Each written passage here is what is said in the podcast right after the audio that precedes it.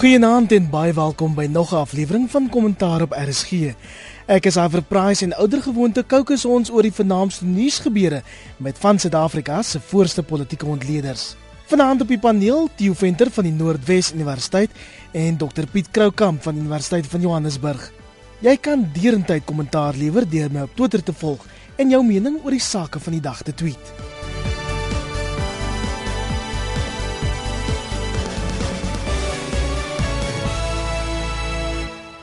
Kollegas, ons begin vanaand by berigte dat president Jacob Zuma ingemeng het met die kernkragooreenkoms met Rusland.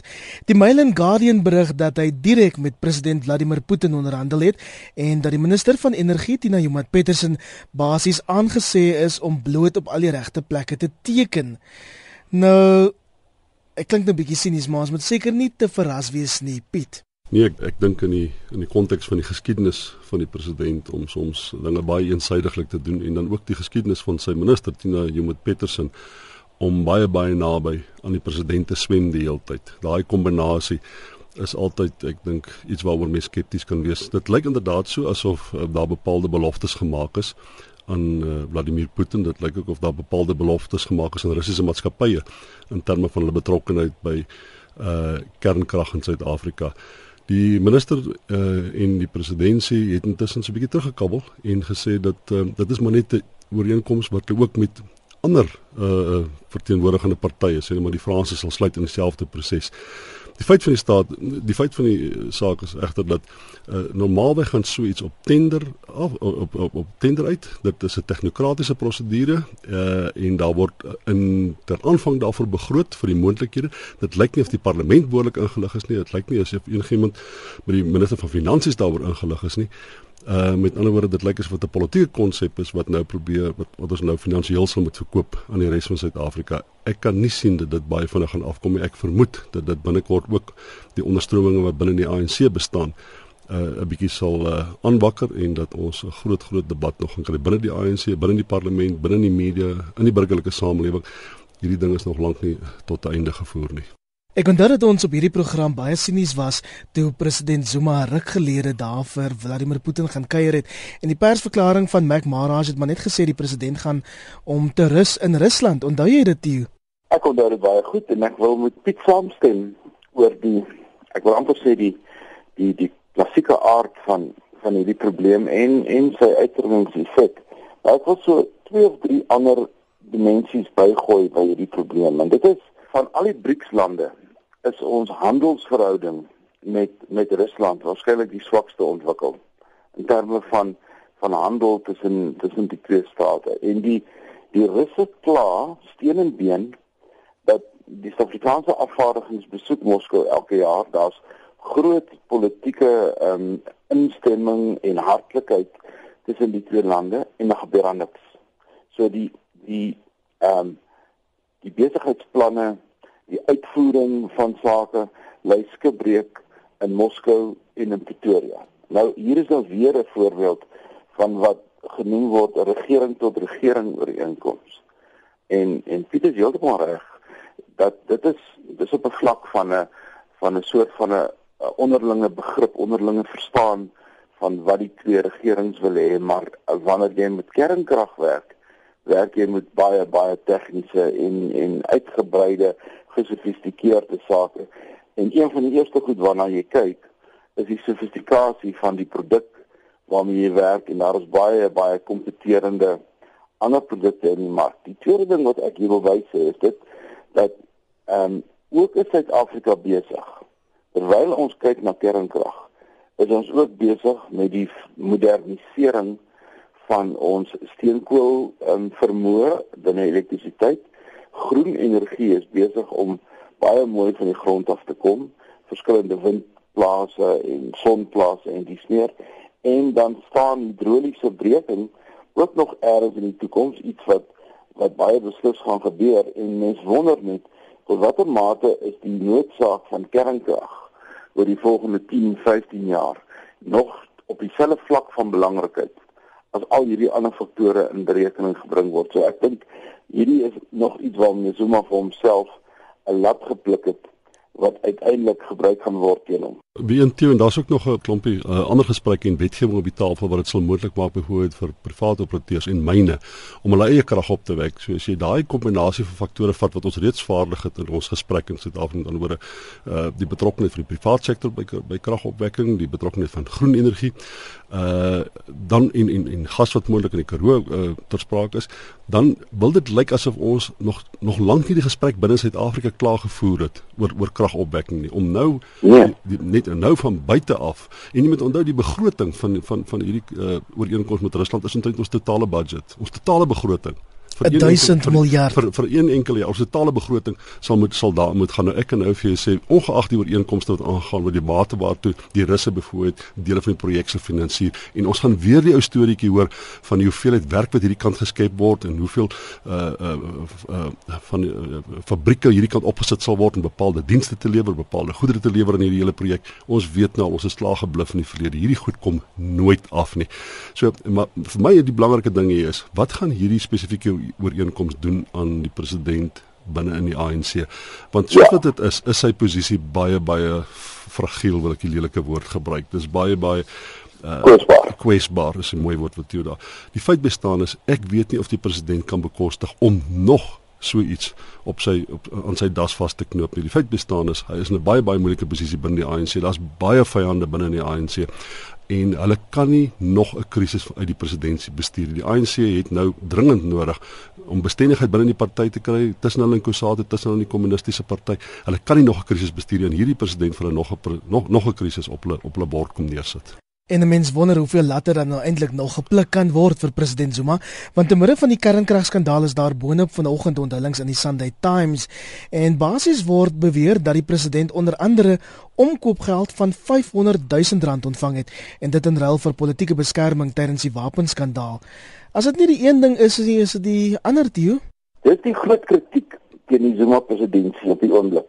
Hierdie onthou nou hierdie ding kom so ver terug as meneer Shabir Sheikh. Hierdie ding kom so ver terug soos die ondersoeke destyds na eh, die ehm um, vervolging van meneer Zuma en natuurlik uh, die relevantie daarvan is die is die spionasiebande wat vrygelaat is of vrygestel is en alles. Maar die dilemma wat die Zuma presidentskap vir die ANC veroorsaak is hulle laat te veel kwessies in die lug hang. Hulle laat te veel sake onafgehandeld ehm um, sien nou maar in die in die politieke ruimte in die parlement. Dit maak dit natuurlik nou vir iemand soos die EFF baie lekker in die parlement om enige een van die kwessies of dit nou die wapenskandaal is en of dit nou hierdie nuwe ene is oor oor Rusland en of dit of dit in Kanada is en mens kan so 'n lysie maak van al die vraagstukke wat onafgehandel is en wat dit eintlik vir die oppositiepartye baie lekker maak of vir die media baie lekker maak en vir die vir die Zuma baie moeilik maak. Mens neem 'n kwessie, jy handel hom af en jy beweeg aan. Dit is so dat ons is in 'n komplekse moderne omgewing en daar's 'n paar vraagstukke wat gelyktydig aan die deur klop, maar ek dink die ANC is is buitengewoon en swak op die oomblik om om sleutelvraagstukke af te handel. En Etol byvoorbeeld, Etol is is nou weer so oop soos die soos die Heer se genade kan mense op 'n Sondag aand sê. Want ehm um, alhoewel die regering reeds gesê het dit gaan afgedwing word, is die werk van David Makura en Gauteng om nou weer nuwe vrae daar rondom te vra. Dit is 'n probleem van die presidentskap van Zuma. Iwer, miskien moet mense ook dit wat vandag op die voorblad van die Sunday Times wat gaan oor uh, die betrokkeheid van die president en 'n Franse maatskappy by die wapenskandaal. Jy moet dit ook nou saam sien met uh, ek sien ook dieselfde koerant het uh, ook die sogenaamde spy tape is nou ook lyk like my in die wêreld gebring. Met ander woorde, dis ook deel van die openbare debat. Nou as jy hierdie twee kombineer, dan moet die druk op die president nou geweldig wees want die twee het baie baie loop baie baie naby aan mekaar. Jy weet ons uh, ons is by die Seriti kommissie uh, dink ek nie so vreeslik hard na die smoking gun nie, maar as die smoking gun in sy gesig gedruk word, dan sal dit waarskynlik moeilik kan ignoreer vir alles daar 'n hofsaak komende is waar daai spesifieke gesprek oor wat het met die Franse maatskappy en die president, wat was hulle verhouding gewees en dit word by die sogenaamde spy tapes gevoeg.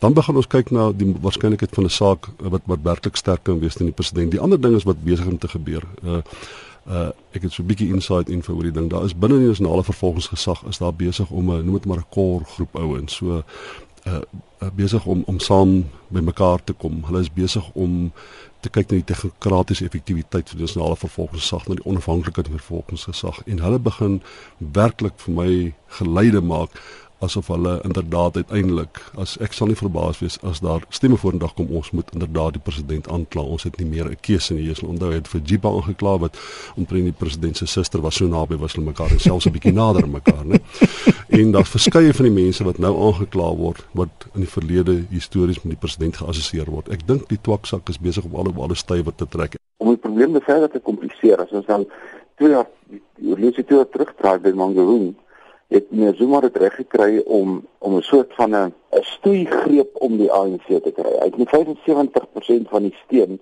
president geword en hy het vir Cyril Ramaphosa sy adjunk gemaak. So hy het ten spyte van alles wat ons sê 'n geweldige houvas op die party. Tot so mate dat as ons kyk na die Nkandla debatte die laaste week en 'n paar ander goed, dan is die ANC besig om al sy energie te gebruik om een man te beskerm. En my vraag is hoe volhoubaar is dit? Hoe volhoubaar is dit vir 'n moderne politieke party soos die ANC om wetende dat hy eintlik met 'n met 'n baie ehm um, kwesbare president sit al sy energie in te gooi om net hom te beskerm en dit dit dit is nou al ook hierdie vrein van mense soos die EFF. Is dit nie moeite werd om soveel moeite te doen vir een man? En moet ons regtig wag tot 2016 Piet? Theo en en, en ai wat ek dink ek sal dinamika ek draai 'n partykeer so 'n bietjie om. My argument is dit is nie asof Jacob Zuma hierdie geweldige greep het op die ANC nie. Dit is as bepaalde uh, instellings binne die ANC benepe vasklou aan die president. Jy moet onthou die ouens wat in die uitvoerende komitee sit, wat by werkkomitee sit, wat in die top 6 sit, al hierdie ouens het op 'n of ander manier 'n meesterpatronaat nodig wat hulle die hele tyd status en die finansiële toegang, toegang tot die staat se finansiële bronne gee. Al hierdie mense se families werk in die staat, het kontrakte met die staat, het verhoudings met die staat, is afhanklik vir uh, hulle verhoudings met die, die mate waartoe hulle met die in swart ekonomiese bemagtiging met die private sektor verbind word. Alles sit uh, is afhanklik van die mate waartoe jy aan die president verbind word. So baie van hierdie instrukture, baie van hierdie noem dit nou maar korrupte of selfs opportunistiese verhoudings wat bestaan dwars deur die ANC maak werklik daarop staan dat die meesterpatronaat moet daarbo bly want op dit is dit is hulle verbintenis op een of ander manier tot die tot die befondsing van die staat en tot status. So hulle hou hom as dit ware daar. Ek weet nie of Jacob Zuma hierdie vreeslike hy het nie 'n vreeslike greep op sy kabinet nie. So ek vermoed daar's 'n klomp mense binne die ANC wat hom daar hou, maar dit gee aan die die die onbestendige patronaatskapstelsel bestaan gee aan dit 'n mate van bestendigheid wat hulle toegang het tot die bronne van die staat. As 'n mens hierdie vraag vra, dan moet jy ook vra waarom is dit so moeilik vir ANC-lede? Ouens wat ons ken met 'n baie sterk morele inslag en 'n baie sterk sin vir geregtigheid en wat reg is en wat verkeerd is. Hoekom is dit vir hulle so moeilik om in hierdie tye uit te kom en standpunt in te neem teen wat hulle weet wat reg of verkeerd is? Ons weet uh, Prof Bentur het dit aan die einde van sy loopbaan gedoen, maar hy is daarmee ook uit die ANC uit. Ons weet wanneer Castro en 'n paar ander ouens het dit gedoen aan die einde van hulle termyne. En my antwoord op die vraag is eintlik dat dit half struktureel is. Die die ANC is net soos die ou nasionale party in die laaste 15, 20 jaar van sy bewind was. Iets wat ons in die in die in die politiek noem 'n predominante party. Met ander woorde, dis 'n groot party wat gewoonlik elke verkiesing wen. Hy wen die verkiesing met so groot meerderheid dat hy eintlik gemaklik in die politieke mag sit. ANC met 62% is 'n voorbeeld. Dit beteken dat as jy nou na ons demokratiese struktuur kyk, dan is daar 'n parlement met oppositiepartye en 'n regerende party, daar's 'n tweede kamer wat die nasionale um, raad vir provinsies genoem word en dis meer en daar's artikel 9 instellings. Hulle speel almal 'n rol om beter regering te veroorsaak, maar as jy 'n predominante party het, dan skielik word die besluite wat geneem word nie meer in die parlement geneem nie. Dit word in die kokes geneem van die dominante party en die dominante party is dominant genoeg om dit af te dwing sonder om werklik die optrede van die oppositiepartye te vrees. Dis hoekom die oppositiepartye in Suid-Afrika nou sulke bolle makiesies slaan net om een of ander beweging te kry, sê nou maar, oor die Nkandla saak. So die struktuur van ons politiek maak dat hierdie goed op die oomblik ook gebeur. Piet Boom behalwe die patronaatskap ding wat ek heeltemal koop. Die die vraag is ek dink Theo vra altyd regte vraag waar word besluite geneem? Nou ons weet Paul Masitile byvoorbeeld het op 'n stadium in die uitvoerende komitee van die ANC opgestaan en bepaalde uitsprake gemaak wat nie geassieer word. Dis met die bil in die in die weg van Jacob Zuma nie. En 'n kakofonie van stemme het op hom neergedaal. Niemand ja. is dapper genoeg in ANC om op te staan, uitvoerende komitee van die ANC om op te staan en teen Jacob Zuma te praat. En die ouens is vandag buite die ja, kabinet, hè? Ja, hy's buite die kabinet. En die ouens op in die NEC sit, die ouens op die werkskomitee sit. Hulle sit almal in die kokes van die ANC kom dit almal van hulle. En dan word hulle ge, in die kokes van die ANC sit daar nog hordes anders amptdraers en nie amptelike amptdraers van die ANC wat daar binne sit. Wat beteken is die NEC en die kokes van die ANC in die parlement sal omtrent nooit met twee verskillende stemme praat nie. Die belangrike ding is as jy dit doen, as jy sonder werk, jy kan sonder werk wees en jy wil die heel laaste ding wat jy wil doen is jy wil die NEC van die ANC afronteer of selfs die caucus uh, in die parlement afronteer. So die feit bestaan is ek vermoed die besluit die akses van besluitneming in Suid-Afrika is nie uh uh in die kabinet selfs eers nie. Dit is nie in die uitvoerende gesag noodwendig nie. Die president wat hy ook al doen van die mees uh, radikale, onsinnige, sinnelose aksies wat hy pleeg, word op 'n baie stille manier deur die uitvoerende komitee van die ANC nie goedgekeur nie, maar aanvaar en hy ry op daai aanvaarding om sy swak bestuur te bevorder. Daar's nie enkele minister in hierdie kabinet wat kan uh beweer dat hy het die president se volledige steun agter hom en daarom het hy 'n sterk posisie vis-à-vis sê net maar sy direkteur-generaal of uh die bestuurslede van die departement of burgerlike samelewing. Die feit bestaan ons sit met 'n swak president wat nie sy ministers ondersteun nie. Dis hoekom jy kry dat daar geen besluite geneem word nie. Niks word tot uitvoer gebring nie. Eintlik is Suid-Afrika op autopilot en die jet fuel raak min. Ons bly by hmm. politieke nuus en daar is groot konsensus dat die magte van advokaat Tuli Madonsela die openbare beskermer in die hof getoets moet word. Dit volg terwyl die parlementêre portefeulje komitee oor Nkandla op die randjie van ineenstorting staan na oppositiepartye hulle onttrek het. Stuur hierdie ding regtig op 'n grondwetlike krisis af toe? Ja, hy stuur daarop af. Dit sluit aan by wat ek en Piet nou-nou gesê het. Ehm um, as ons kyk na die artikel 9 instellings van die parlement in ons grondwet. Dan is dit mens kan dit amper noem stutliggame vir jou land se wetgewer. Een moet kyk dat daar reg en geregtigheid geskied, die ander een moet kyk na na die bevordering van van geslagsgelykheid. 'n Ander een moet kyk dat ons gereelde verkiesings hou, dat die verkiesings ehm um, ook regverdig is. Al hulle besluite is afdwingbaar. So ook die openbare beskermer se besluit. Die president het nou besluit dat omdat hy nou in die spervuur is en hy eintlik 'n grondwetlike krisis veroorsaak het deurdat die deurdat die openbare beskermer na sy saak moet kyk het hy besluit om die proses te kompliseer soos wat hy gemaak het met die hofsaak teen hom via sy bekende prokureurs en advokate. Hulle gooi 'n groot klomp debatte en kwessies in die in die openbare gesprek in. Hulle maak die gesprek gekompliseer en dan gebeur wat Piet net nou gesê het, geen besluite word geneem nie want hulle skep 'n onsekerheid oor wat hier aan is. Ek het geen twyfel nie dat die openbare beskermer se se besluite is afdwingbaar en onthou wat die parlement nou eintlik hulle hulle self aan die voet skiet. Die openbare beskermer werk vir die parlement. Sy is die sy is 'n verlengstuk van die wetgewer. Sy is die in in in in beginsel sy die wetgewer se metode om vas te stel of die uitvoerende gesag hulle werk doen en of hulle dit op die regte manier doen en waar hulle dinge verkeerd doen om dit reg te stel. Dis haar opdrag. Nou vra die parlement is haar besluite afdwingbaar want die parlement is 'n verlengstuk van hierdie politieke besluitnemings uh kompleks waarvan ons net nou gepraat het wat so klassiek is van 'n predominante party. En ons vind dit met ander woorde hier net soos wat ons dit by 'n klomp ander plekke vind.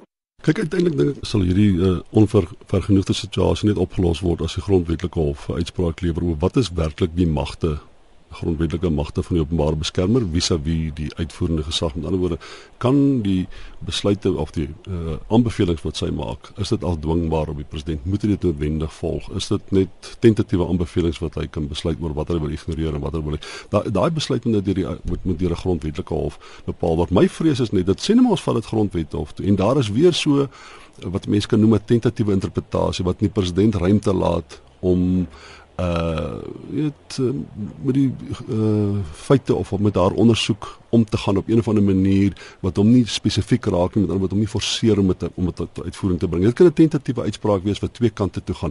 Dan los dit hom geweldig baie ruimte om in te beweeg. Ons moet nou net hoop as daai saak uiteindelik daar beland, neem hulle baie spesifieke besluit dat die president het geen ander keuse as om erns te maak van die openbare beskerming en dat haar verslag meer belangrik is al die ander verslae wat hy probeer orkestreer en poging om homself vry te laat. Die feit bestaan is dit is 'n lang proses. Dit gaan nie die proses tot konklusie voer nie. Ons moet op ander maniere kyk as ons op 'n manier die president tot verantwoording moet roep en ek vermoed die hofsaak wat betref sy die 2700 800 klagtes wat in die verlede teen hom op die tafel was moet weer ingestel word. Mense moet tog vra of die oppositiepartye hierdie ding reg hanteer. Ek het heelwat briewe gekry van luisteraars wat nie so seker is daaroor of die oppositie regtig nie betrokke moet wees by daai portefeulje komitee nie. Goeie vraag, baie goeie vraag. Ek ek ek wel ek ek, ek, ek dink hulle moet betrokke wees. Daar's nie twyfel daaroor nie. Ek is net onseker toe hulle uitgestap het het hulle in die gesprek onttrek en is dit ware die spektakel, die openbare spektakel van die ding is nou daarmee heen. En jy moet maksimum dink ek publisiteit kry vir hierdie spesifieke saak. As hulle uitstap dan is die gesprek as dit ware dit gaan nou in die ANC voortgaan, maar wat gaan met daarmee? Dink 'n bietjie daaroor. Ons is nou met hierdie debat waarvan Cyril Slabbert was met PV Botha toe hy gesê het kyk ek speel 'n groot rol in die politiek maar kan nie meer nie. Ek kan nie meer die apartheidsproses beveg soos wat ek in die verlede wou as die president wat PV was in daai tyd my op elke hoek en draai belemmer nie. En ek dink die oppositiepartye is nou by daai kruispunt speel hulle werklik 'n rol. En wat hulle gedoen het deur uit te loop dink ek is simbolies. Ek en jy weet deur uit te loop al jouself uit die debat uit. Maar maar watter ander keuses watter ander opsie het hulle? Want dit is duidelik dat die ANC lede wat daar benoem is op daai komitee met die hand uitgesoek is en dat hulle 'n uh, absolute opdrag het om vir die president te kolf.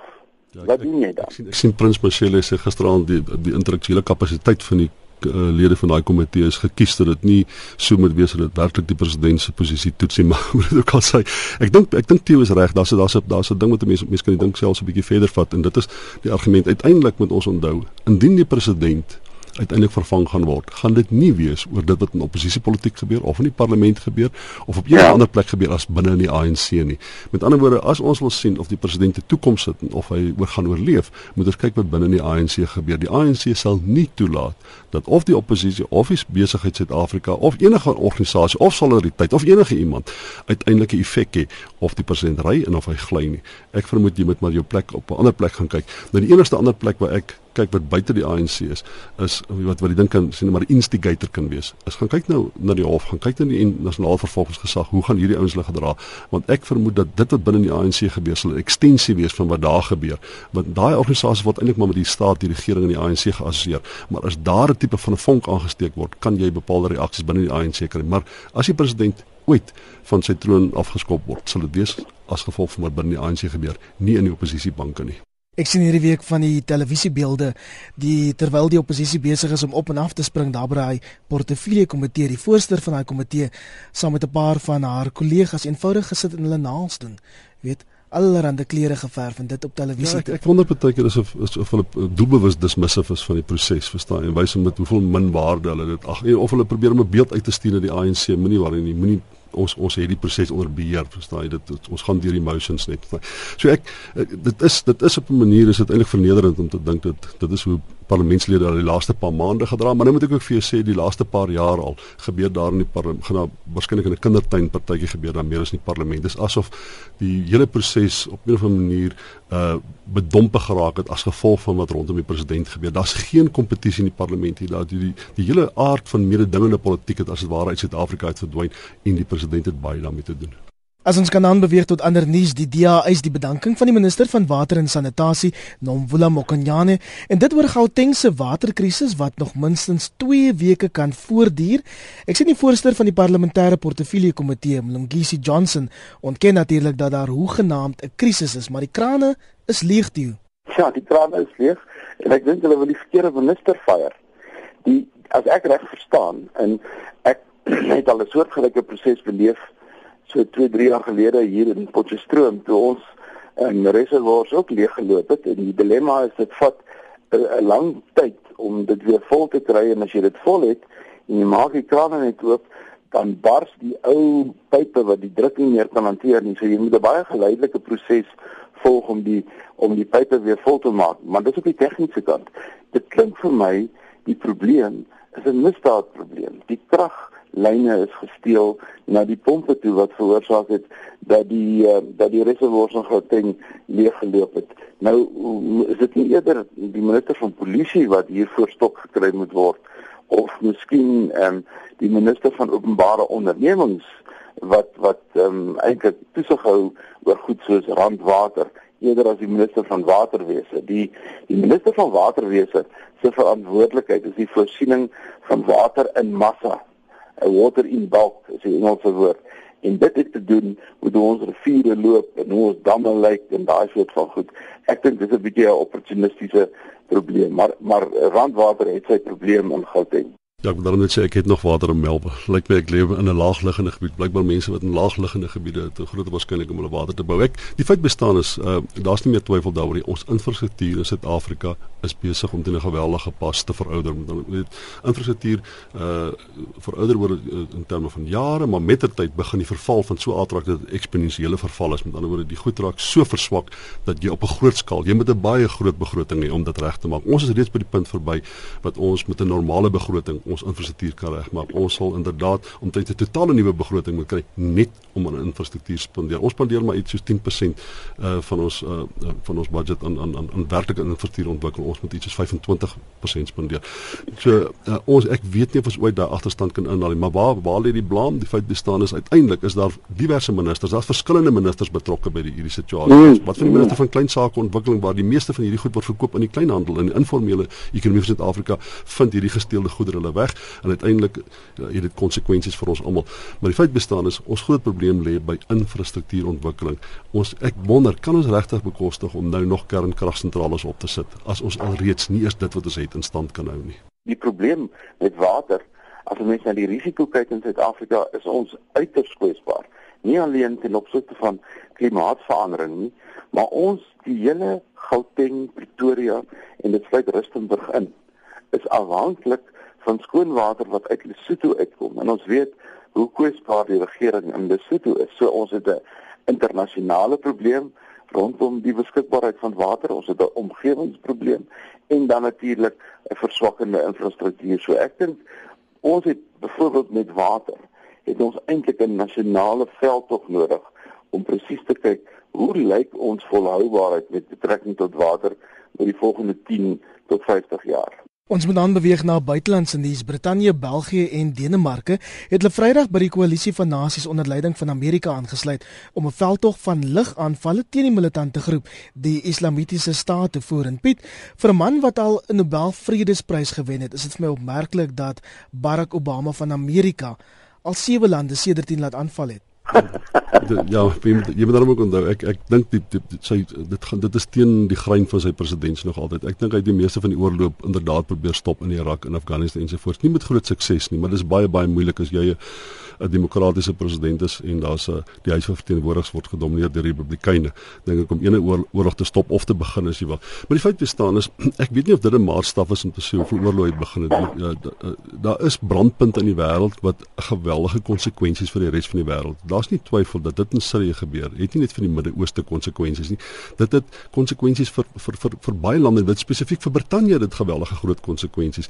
En uh, om terug te sit en sê ons kan nie nog 'n oorlog begin nie. Ek weet nie of dit noodwendig antwoord is. Die feit bestaan is hierdie is baie baie moeilike situasies wat eksponensiële kragte agter dit. Dit kan wêreldwyd versprei. Dit kan in Rusland sit met dieselfde probleme in die verlede. Hulle het ook 'n probleem gehad met met met fundament uh, moslim fundamentalisme in in Rusland. So verseker is dit a, dit is nie 'n probleem wat beperk is tot Sirië nie. Uh uh of uh, Barack Obama die regte ding doen. Ek dink mense moet uh, militêre strategie met daarna kyk en miskien uh foreign correspondence en ek sê ouens wat spesialiste is op buitelandse beleid te goed. Maar die feit bestaan is uh, ek weet nie of mense regverdiglik uh, vir uh, Barack Obama as 'n warmonger kan uitmaak. So goed, nog 'n dag, nog 'n oorlog. Wat maak jy van hierdie interview? Kyk, toe Barack Obama die Nobelprys gekry het reg aan die begin van sy presidentskap, toe die ouens gesê hy dit klink omtrent soos hierdie ou advertensie van die SAL wat gesê het vlieg nou betaal later. Kry die prys nou betaal hom eers later en nou nou ek weet nie Nobel prys sal ooit weer vir iemand gegee word aan die begin van sy termyn nie eerder aan die einde van sy termyn maar die hele dag wat ons hier in Suid-Afrika erfenisdag gevier het het ek na twee onderhoude van Obama geluister. Die eerste een was voor die Verenigde die Verenigde Nasies se algemene vergadering waar almal natuurlik nou hulle praatjie gepraat het onder meer president Zuma ook hierdie afgelope week.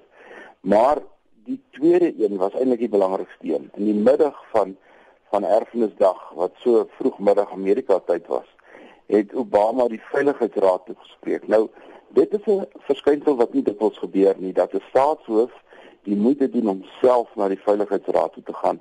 Gewoonlik stuur hulle maar die minister van buitelandse sake of 'n senior ambassadeur of 'n ding, maar Obama het dit belangrik genoeg geag en hy iets reggekry wat ek nie gedink het hy gaan regkry nie. In die oggend het hy Rusland gekritiseer dat die hom nie kon afwas nie oor sy inval in die Krim-eiland en sy sy betrokkeheid by die Oekraïne en die smeer. In die middag het hy Rusland ingebind in 'n in 'n VN sanksie besluit en 'n VN oorlogsbesluit rondom ISIS of um, Sinema Syrië, Turkye waar hy ook al die plek wil wil plot sonder dat die Russe hom geveto het.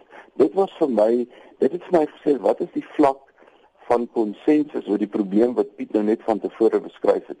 Want hierdie instelling wat nou eintlik drie lande onstabiel maak, um, Syrië waar die Amerikaners eintlik nie wil hê moet in die rigting loop nie. Hy maak 'n gedeelte van Turkye maak hy onstabiel. Hy maak 'n gedeelte van die suidelike uh Russiese skiereiland maak hy onstabiel. Hy maak Irak onstabiel en nou nou kom daar water speel ook alweer 'n rol. Die Mosuldam wat hulle moes beskerm het, was in gevaar want as hulle daai dam opblaas, dan is die water vir omtrent drie lande in sy kanon in die Midde-Ooste kan sien op watter fyn vlak moet hulle nou beweeg. Punt wat ek wil maak is jy kan nie so oorlog wen of selfs in in beheer hou as jy net gebruik maak van lugaanvalle nie. As jy nie troepe op die grond het nie, gaan jy nooit 'n militêre sukses behaal nie. Jy kan dit nie net uit die lug uit doen nie. En dis die dilemma wat die wat die noem dat die die magte teen ISIS het want ek weet nou nie meer hoe moet mense hulle noem nie want dit my hulle kom van oral oor. Hulle het ook elke dag 'n tweede naam. Dit lyk of die koalisie tog onwillig is om voetsoldate in te stuur Piet. Ja, nee, ek dink daai dit is dit, dit is altyd die die die, die keerpunt. Is hulle bereid om voetsoldate in te stuur? Ek ek is nie seker wat die Amerikaners se strategie normaalweg is. Hulle wil uh, lug uh, bombardement bombardement en aanvalle wil hulle verskaf en hulle hoop dan dat daar binne in daai land is daar genoeg militêre magte om as dit ware nou maar die gemeenskaplike vyand op 'n of ander manier die stryd aan te sê. So ehm um, soos wat hulle maar in in in in Afghanistan gemaak het, so wat hulle gemaak het in Irak. Uh maar die feit bestaan is uh, president Obama, daar is nie genoeg uh, sê net maar steen vir hom nou in Amerika om 'n kans te vat en uh, voedseldate in in Sirië te sit. Die belangrike ding is natuurlik jy moet onthou die Amerikaanse huisverteenwoordigers sou elke 2 jaar verkiesing. Wat beteken is die meeste republikeine wil ook eintlik oorlog toe gaan ten spyte van hulle oorlogsigtigheid nou. Niemand in die huis in in in die huisverteenwoordigers wil nou oorlog toe gaan as gevolg van die komende verkiesing in Amerika. Die tyd is besig om ons in te haal, maar ons moet nog praat oor rapport se berig vanoggend. Die een waarin professor Dan Gwadi, die fisiekanselier van die Noordwes Universiteit, sê Afrikaans is 'n hindernis op baie studente se pad om aan die universiteit te studeer, maar die interessante ding is, ja, daar's heelwat mense wat al op Twitter heeldag sê, is dit die regte storie? Theo, ek weet jy's verbonde aan die universiteit en jy was daar by sy inhuldiging. Wat is nou die eintlike storie hier?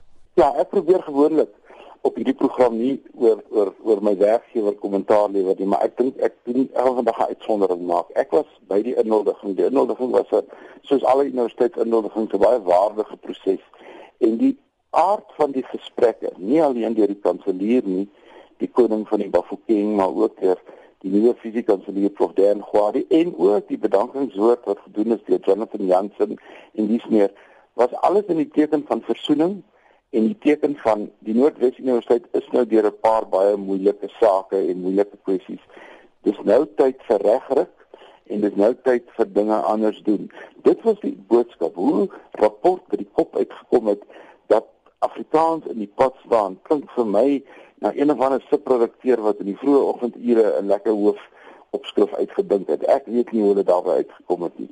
Dat Afrikaans deel was van die debatte, dat Afrikaans gebruik is en is 'n gegewe dat die universiteit sal moet kyk hoe presies hy Afrikaans bestuur is nie eers debatteerbaar nie dis 'n gegewe. Maar die negativiteit wat gebond verbonde is aan 'n opskrif soos Afrikaans is in die pad voel vir my net eenvoudig na 'n skeeftrekking van wat daar gebeur het Weet jy ek dink net uh, dit is Dan het daar al 'n hele paar keer in die verlede gesê dat Afrikaans kan nie op een of ander manier so ge, uh, bestuur word aan pots dat dit uh swart studente uitsluit nie. Ja, maar dit toegang beperk. Ja, dit is beperk. So. En my my vraag is net uh, hoe bestuur jy dit as daar nie noodwendige plan op die tafel is om dit te bestuur nie, want dit lyk net asof hierdie veeltaalige vertalingsmodel nie noodwendig al die wat dit wat, wat wat wat ek weet nie of dance stene spesifiek nie, verstaan jy, maar dit lyk of daai model soms daar word soms twyfel gesaai oor die mate waartoe daai model mense uitsluit. As jy uh na 'n vertaalde weergawe van die lesing moet luister wie se wie student wat in die oorspronklike weergawe van die ding moet luister. Verstaan ek ek weet nie of dat dit is dis dis waarskynlik nie moontlik om nie op een of ander manier te diskrimineer nie. So iets sê vir my ek ek dink tog Afrikaans gaan onder druk kom by pot oor die volgende klompe jare.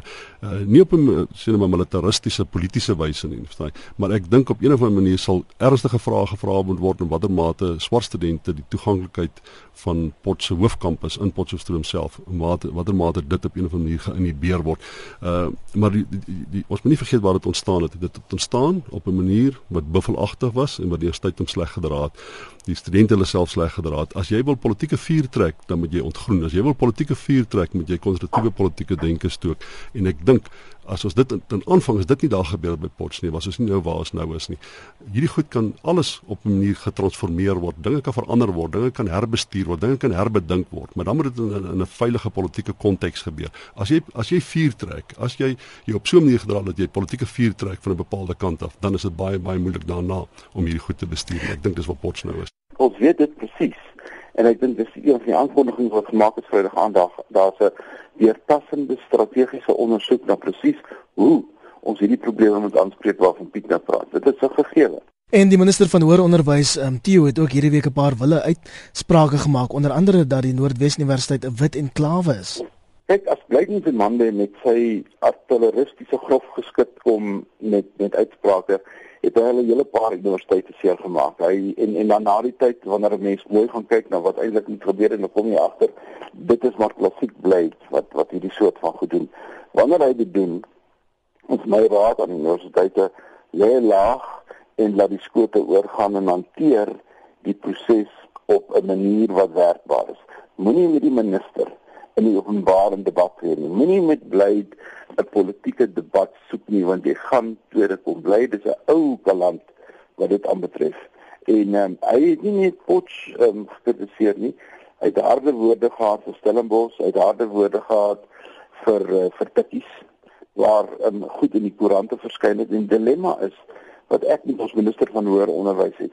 Mens moenie op koerantberigte reageer in die openbare media met betrekking tot jou top universiteite die top 20 of wat ook al gaan vind uit by die universiteite wat gaan regtig aan en reageer op daai vlak. Maar Blydense Mande is Blydense Mande en hy is maar 'n unieke figuur in ons politiek. Dis ongelukkig alwaar vir 'n tyd het vanaand op kommentaar ons gaan moet groet. Jy het geluister na Theo Venter van die Noordwes Universiteit Nancy Theo. Naam julle. Dr Piet Kroukamp van die Universiteit van Johannesburg. Rustige nag.